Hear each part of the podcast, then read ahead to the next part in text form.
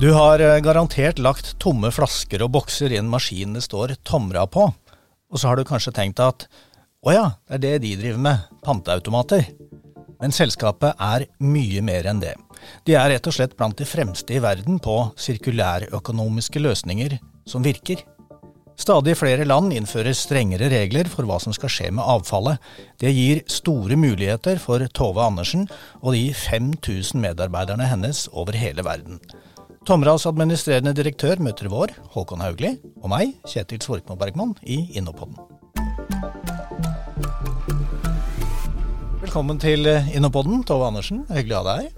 Tusen takk, veldig hyggelig å være her. Ja. Mange kjenner sikkert Tomra som et uh, teknologiselskap, men samtidig er det jo panteautomatene deres vi ser de fleste av oss i det daglige. Og ettersom dere har installert 100 000 av dem rundt om i verden, så er kanskje ikke det så rart. Men fortell litt mer om hva det er som gjør dere til et sirkulærøkonomisk selskap, og hvorfor det er så viktig. Ja, så Hvis jeg starter med det siste først, hvorfor er dette så viktig? Eh, hvis vi ser på alt vi forbruker hvert år av ressurser, og vi ser på hvor mye av det som blir resirkulert i dag, så er det faktisk under 8 som blir resirkulert. Så det betyr at 92% av det vi forbruker hvert år, det ender enten ute i naturen som uh, forsøpling, på et forbrenningsanlegg eller på et deponi. Så dette er ikke bærekraftig. Det er ikke sånn som vi må leve framover hvis vi skal kunne nå eh, bærekraftsmålene. Så det er det hvorfor det er viktig, det vi gjør. Og hva gjør vi i Tomra? Vi i Tomra vi har løsninger for innsamling, f.eks. da bokser og flasker, som de fleste kjenner. Men vi har også sorteringsløsninger. For sortering er en viktig nøkkel for å få til resirkulering. Så når du hjemme sorterer din plast i en plastpose, så er det en blanding av ulike polymerer. Det må sorteres før det kan resirkuleres, for ambisjonen er jo alltid at det skal kunne resirkuleres akkurat det samme som det var brukt til før. For Det er virkelig da vi får en ordentlig sirkulær økonomi. Det er da vi får vi kaller closed loop, lukkede kretsløp. Så det er den rollen vi spiller. Vi har da avanserte sorteringsinnsamling og sorteringsteknologier for å da eh, tilrettelegge for resirkulering. Mm. Jeg husker at jeg så et anlegg i Polen for noen år siden hvor det sto maskiner fra Tomra ja. og sorterte, og, og, det er fascinerende å se. Eh, og Håkon, mm. du kaller jo rett og slett Tomra for et eksporteventyr, du? Hvorfor det? Absolutt. Um, altså jeg er superbegeistret over å være i studio sammen med Tove og snakke om Tomra. Da. Jeg syns det er så fantastisk eksempel på norsk entreprenørskap og en bedrift som, uh, som uh, gjør en veldig viktig jobb, altså ut fra de grunnene Tove nå nevner, men også som uh, lykkes da med å skape arbeidsplasser og eksportinntekter for Norge. Så, så den sjekker opp på alle viktige ting. vi har jo gleden av å, å samarbeide med Tomra og vil veldig gjerne gjøre mer av det.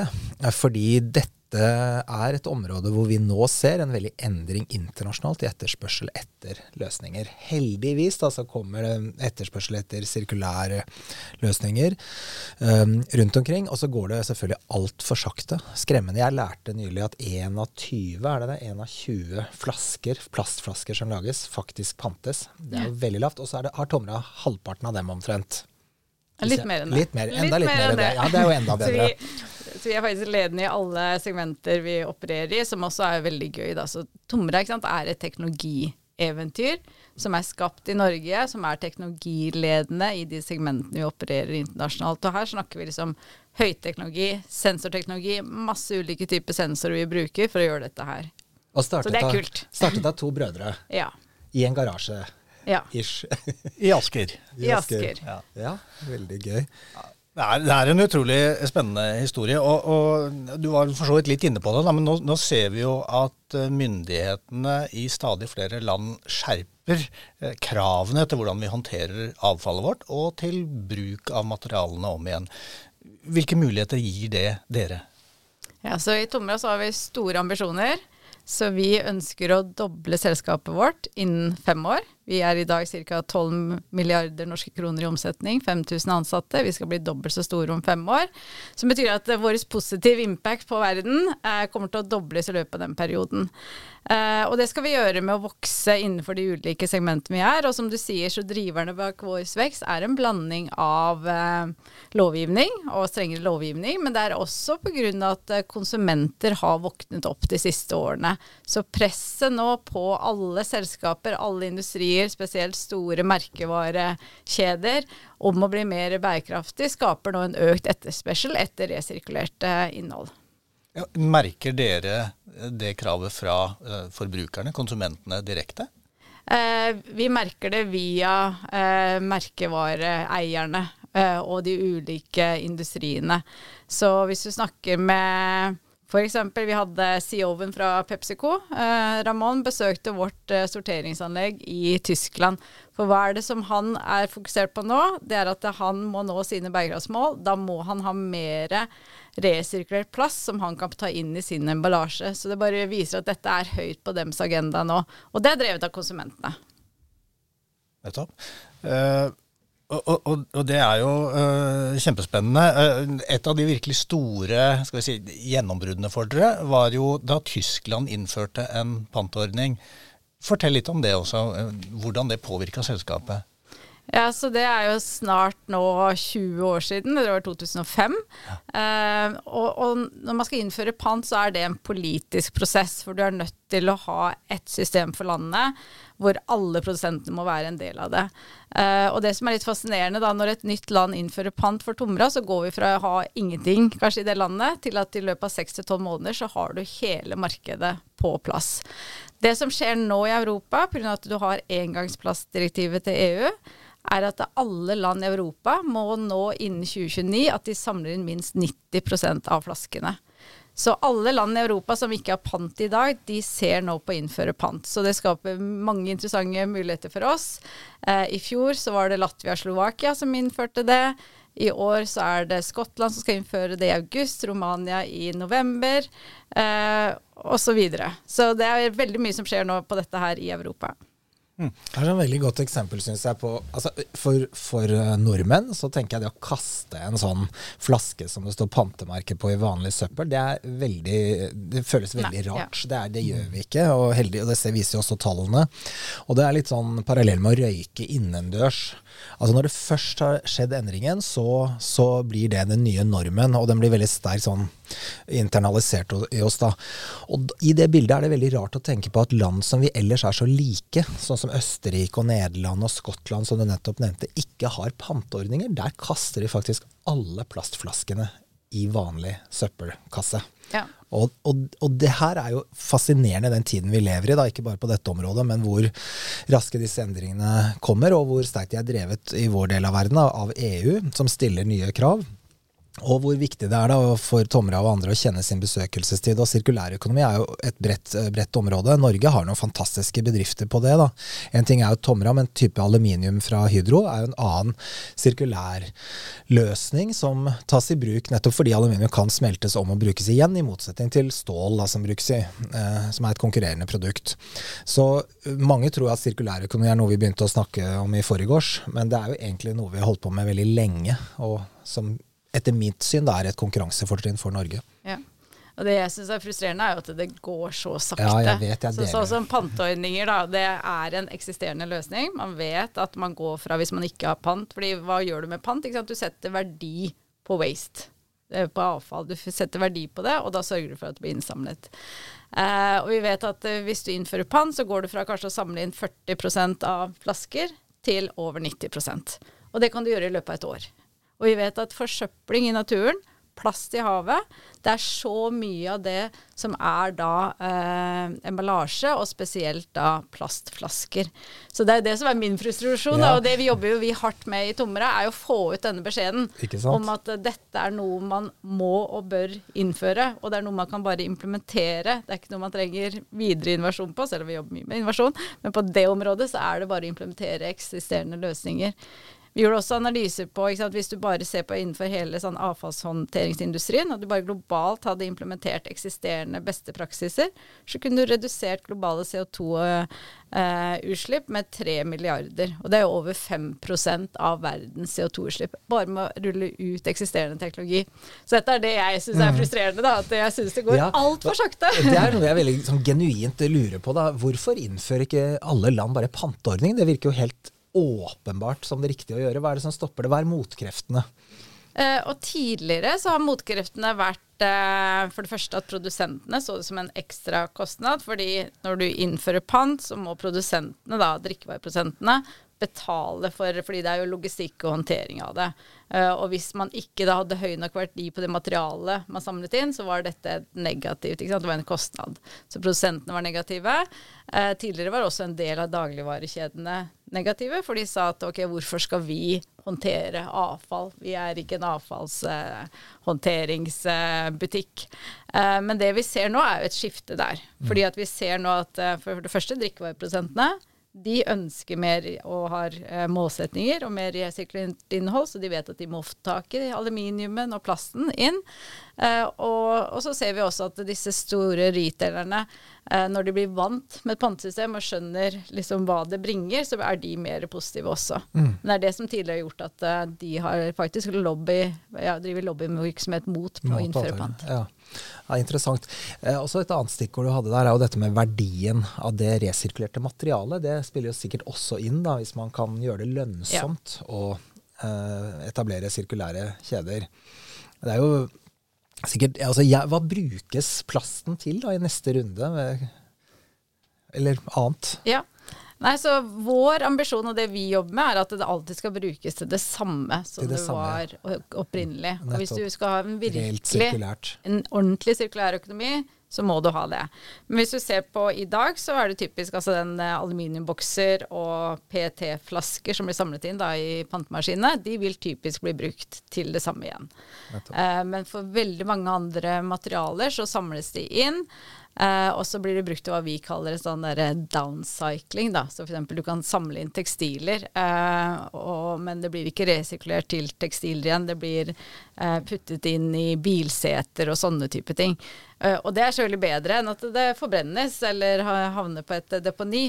Men det gjør at det, etter det så er du ute av sykelen. Så det er jo her det er viktig med innovasjon. da.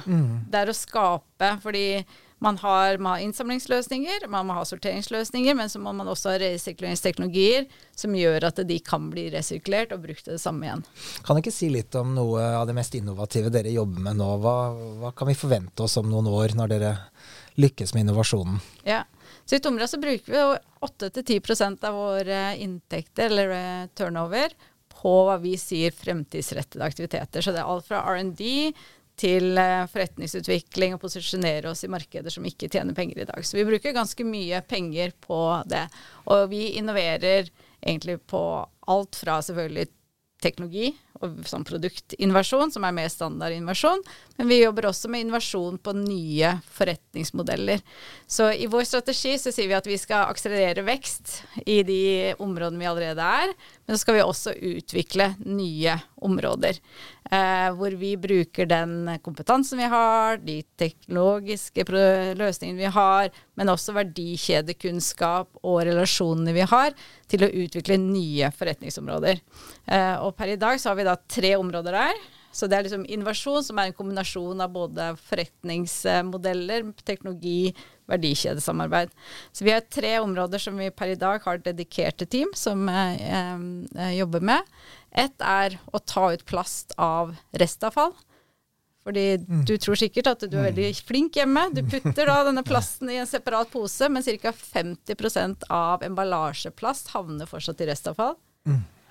36 millioner tonn i Europa eh, havner der.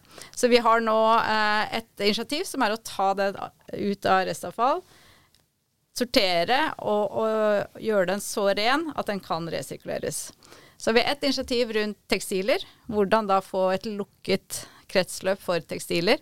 Eh, kjempeproblem, fordi 1% av tekstiler i dag blir resirkulert. Eh, så der har vi et dedikert team som jobber da nå med verdikjede. Så kommer det til å bli en blanding av teknologiutvikling, men også sette opp helt nye verdikjeder på, kjeder på tekstiler. Og så har vi et initiativ rundt eh, takeaway. Mm. Også et stort uh, problem for forsøpling, spesielt i mm. byer. Og da tenker vi kaffekopper fra Starbucks eller mm. hamburgerbokser fra McDonald's. Uh, vi tror at det kommer til å bli sånne gjenbruksløsninger. kommer til å være en del av løsningen her. Å, og EU setter nå krav også på at man skal ha type gjenbruksløsninger. Sånn at når du kjøper en kaffe, så får du det i en kopp hvor du kanskje betaler pant på den. Og så er det innsamlings... Istedenfor søppelkonteinere i byer, så har du innsamlingsstasjoner for de. Så det viser litt på hvordan vi jobber med veldig ulike. Og det vi har gjort, er at vi har eh, eh, Vi så på verden liksom, hva er de største problemene i verden innenfor ressurshåndtering som ikke er løst. Og hvor, og så matchet vi med der vi har kompetanse som vi kan bidra med å løse det, og det er sånn vi har valgt da foreløpig de tre områdene. Mm. Utrolig spennende å høre om. Jeg tenker på en ting Mange av oss har sikkert observert på reiser at eh, problemene med plastforurensning er kjempestore i mange utviklingsland. Mm. Eh, og, og, og, så tenker jeg at deres systemer er antagelig ganske kapitalkrevende.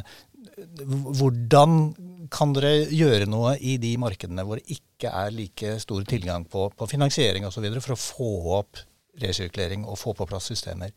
Ja, vi, og det er et godt poeng. og Typisk i de landene så har man også en sånn uformell sektor som per i dag samler inn en del av disse materialene. Eh, og vi tror ikke nødvendigvis at det blir de samme løsningene som kommer til å fungere der, som det vi har da i vest, eh, Vesten. Så vi jobber også med ulike alternative løsninger. Hvordan kan man gjøre det på en annen måte, eh, med en type og, det er mange ideer rundt her som jeg ikke skal gå så mye i detalj akkurat nå, men hvor man tenker litt ny, da, hvor man bruker teknologi på en annen måte enn, en det vi gjør eh, i Europa. Eh, men det er, også, eh, det er litt håp nå, da, fordi at uh, FN har jo bestemt seg og ble jo enig i fjor at man skal lage nå et globalt bindende instrument for å eliminere forurensning av plast. Så det pågår jo forhandlinger på nå. Uh, og alle land i FN har nå signert opp at de ønsker en bindende avtale. Uh, og det jobber vi også mot, at vi prøver å være en del av den prosessen med å komme med vår kunnskap og kompetanse og 50 års erfaring fra dette her. Hvordan, hva bør være et sånt instrument? Vi mener jo f.eks. at pant bør være en del av det. Mm. Uh, og dette er jo noe som, ikke sant, For pant blir ikke, hvis du er i et fattig land, så kostnaden med pant skal bæres av produsenten. Og det er de store. Altså det er Coca-Cola og PepsiCo og disse. Det er ikke kostbart for landet å innføre pant. Nettopp. Eh, så det er et mm. godt eksempel at det kan fungere i alle land. Og så vil selvfølgelig infrastrukturen og sånn se forskjellig ut, eh, basert på hvordan landet er. Mm. Akkurat. Eh, kapital rangerer deg som nummer 50 på lista over de mektigste kvinnene i Norge. Hvis vi skal tro at de har rett, hvordan, hvordan bruker du den makten du har som eh, leder av et av Norges store og veldig internasjonale selskaper, til å utrette noe? Altså, jeg er ikke så veldig glad i ordet makt. Eh, jeg er mer glad i ordet innflytelse. Eh, og det er jo ikke fordi at det skal være politisk korrekt, så er ikke det det går på. Men jeg har jo stor tro på at hvis man skal få til varig endring, så får man ikke til det med å bruke en maktposisjon eller fortelle folk hva de skal gjøre. Du må bruke den makten du har til å liksom påvirke folk og overbevise dem. Så det er det jeg tenker er min rolle. Eh, så det jeg ønsker å bruke min makt og min posisjon til, er jo nettopp i sånn den prosessen jeg har snakket nå med eh, eh, Forente nasjoner ikke sant? og mange andre stakeholders. Så jeg jobber med det, å få de til å forstå mulighetene eh, og prøve å få akselerere eh, endringen mot en sirkulær økonomi. Eh, og så bruker jeg selvfølgelig min posisjon internt eh, i Tomra til å drive veksten vår. Jeg tenker Det er liksom vår oppgave. Vi sier vi har en eh, vi må, Tomra må vokse, for verden trenger Tomra. Så å inspirere organisasjonen til å vokse, men også å bruke min posisjon til å skape et selskap hvor folk kan trives. Hvor du kan få ut det beste av alle, og hvor folk har det gøy. Høres, eh, høres, bra ut. Fantastisk. Jeg får veldig lyst til å jobbe i Tomra. Ja, det er, det er, veldig, det er veldig gøy. det er veldig mange Bare andre forhold. Ja. dere må jo være veldig, en veldig attraktiv arbeidsgiver, tenker jeg. Altså, treffer veldig på det i hvert fall jeg oppfatter da, mange mennesker er ute etter nå. En jobb med mening og internasjonalt. Hvordan, hvordan er det? Får dere tak i de dere trenger? Altså det Folk som jobber i Tomra, jeg ofte spør jeg når jeg reiser rundt liksom, hvorfor jobber du i Tomra. Eh, og det er selvfølgelig formålet, at man virkelig føler at man gjør noe meningsfylt. Og så er det kulturen i mm. organisasjonen, og så er det kollegaene. Ja. Eh, og det tror jeg liksom er litt det, det som er styrken vår. Eh, og i Norge så er vi selvfølgelig veldig godt kjent, så der er det Eh, relativt eh, enkelt å tiltrekke seg folk. Eh, utenfor Norge så er vi jo små i mange land. Vi er fortsatt, selv om vi er 5000 ansatte, så er vi en nisje, et nisjeselskap. Så i visse miljøer så er vi veldig kjente. Mm. men når vi skal tiltrekke oss mer fra eh, toppuniversiteter og sånn, så kjenner de ikke til Tomra. Så der er utfordringen vår er å få dem til å bli kjent med oss. Og hvis vi først får dem inn, og vi kan fortelle våre historier, vi kan fortelle om mulighetene og sånn, så er det ja, mm. stort sett veldig lett å overbevise dem om å bli en del av Tomra-familien. Så bra. Håkon Tomra ja. er jo et, et, stort selskap som ja. uh, har vokst bl.a. gjennom oppkjøp av, av andre eh, internasjonale selskaper. Eh, men, men, vi, Innovasjon Norge, har også jobba med Tomra på prosjekter. Og, og, og, hvordan er det, i hvilken grad kan vi jobbe med disse store selskapene? Ja, um på veldig mange ulike måter. Altså bare så slår meg jo at vi åpenbart kunne gjort mye mer. Tomra har vi jobbet med både i det kan vi kalle det sånn klassisk sånn eksport eksportløp, hvor vi introduserer eh, norske selskaper da, for potensielle partnere og, og kunder i, ute. Eh, vi har også hatt eh, delegasjoner inn til Norge, senest en delegasjon fra Singapore som ser på et pantesystem der, og som var veldig nysgjerrig på hva Tomra gjør. Tomra er også til stede i Sørøst-Asia og har, er i den prosessen, hvor de kom på besøk og traff Tomra her, hvor vi da la til rette for den type besøk. Og i tillegg, og det syns jeg er veldig gøy. Tomra har brukt noe som heter EØS-midlene, som er en ordning for egentlig samfunnsutvikling i Øst-Europa, hvor vi har den næringslivsbiten av det, og hvor det har vært et verktøy som både Tomra har dratt nytte av, men ikke minst de landene da, som er del av det programmet, har dratt nytte av. Så vi har ganske mange tangenter, um, uh, men, men det, både vår samtale i dag og den kontakten vi har, er jo en spore til å, å gjøre samarbeidet mer, og ikke minst tror jeg det er en jobb å gjøre i, uh, i Norge da, på å få um, fram hva er det som innovasjonsprosjekter, innovasjonskultur, uh, og hvor Tomra er et fabelaktig eksempel på, på, hva det går an å få til. Og samtidig kan både dra nytte av og ha noe å gi inn i prosesser med andre, andre virksomheter. Så vi vil Dette er jo mest av alt et uttrykk for begeistring fra min side. Men uh, ja. Og det er sikkert ikke en uttømmende liste jeg gir nå heller, men en, en, en, beskrivelse av det vi oppfatter da, som et godt grunnlag for samarbeid. Nettopp. Og selv om vi er et uh, stort selskap i noen av disse landene, så er vi relativt små. Uh, og da å kunne trekke på Innovasjon Norge, som har gode kontakter, som kan være en fasilitator, har vært veldig nyttig for oss. Ja, Det er hyggelig å høre. Um, vi pleier ofte å spørre gjestene i Enopodden uh, hva ville du ha sagt til statsministeren hvis du havna i en litt lang heistur sammen med han? Og, og hva ville du ha sagt? Uh, hva ville jeg sagt til han? Uh, altså, jeg føler at uh, dette er tiden for modige og utålmodige ledere. Og modige og utålmodige politikere. jeg syns jo at ting går altfor sent. Vi må akselerere fornybar energi. vi må akselerere mot sirkulær økonomi. Jeg tenker at her kan Norge spille en rolle også. Så på fornybar energi er det liksom opplagt. Men også innenfor sirkulær eh, økonomi. Eh, vi har Tomra, vi har Hydro, vi har andre selskaper som jobber innen dette her, som er ledende. Eh, Norge kunne gått foran her og skapt nye løsninger, f.eks. på tekstiler, på, som jeg, det jeg snakket om nå, med, med plast uh, ut av um, restavfall, med takeaway-løsninger. Vi kunne brukt nå, uh, fordi også i Norge, fordi vi er såpass lite, men med god uh, tilgang på kompetente ressurser, så kunne vi raskere skapt løsninger som kunne da drevet eksportmuligheter senere. Mm. Så kanskje bli enda ja, mer utålmodig, få ting til å gå fortere, ikke akseptere at ting tar så lang tid, og tørre å ta noen av disse upopulære beslutningene fordi at de er riktige. Ja, vi har jo ikke statsministeren her, men Håkon, er det, er det en utfordring her som du tar? Nei, altså Jeg vil ikke inn i den rollen, verken her eller generelt. Men, men eh, jeg, synes jo det er veldig, jeg deler jo veldig den utålmodigheten, og, og, og, tenker jo særlig på sirkulærøkonomiområdet at dette går litt i oss også. da. Vi har jo en del verktøy som vi åpenbart kan bruke enda bedre inn i uh, sirkulærøkonomiske løsninger. Vi har hva skal vi si, vi har en eh, bevisst holdning til verdien av sirkulær økonomi. Vi finansierer en god mm. del prosjekter da, som har det i bånn, både i industrien og ja, ulike um, tjenestenæringer.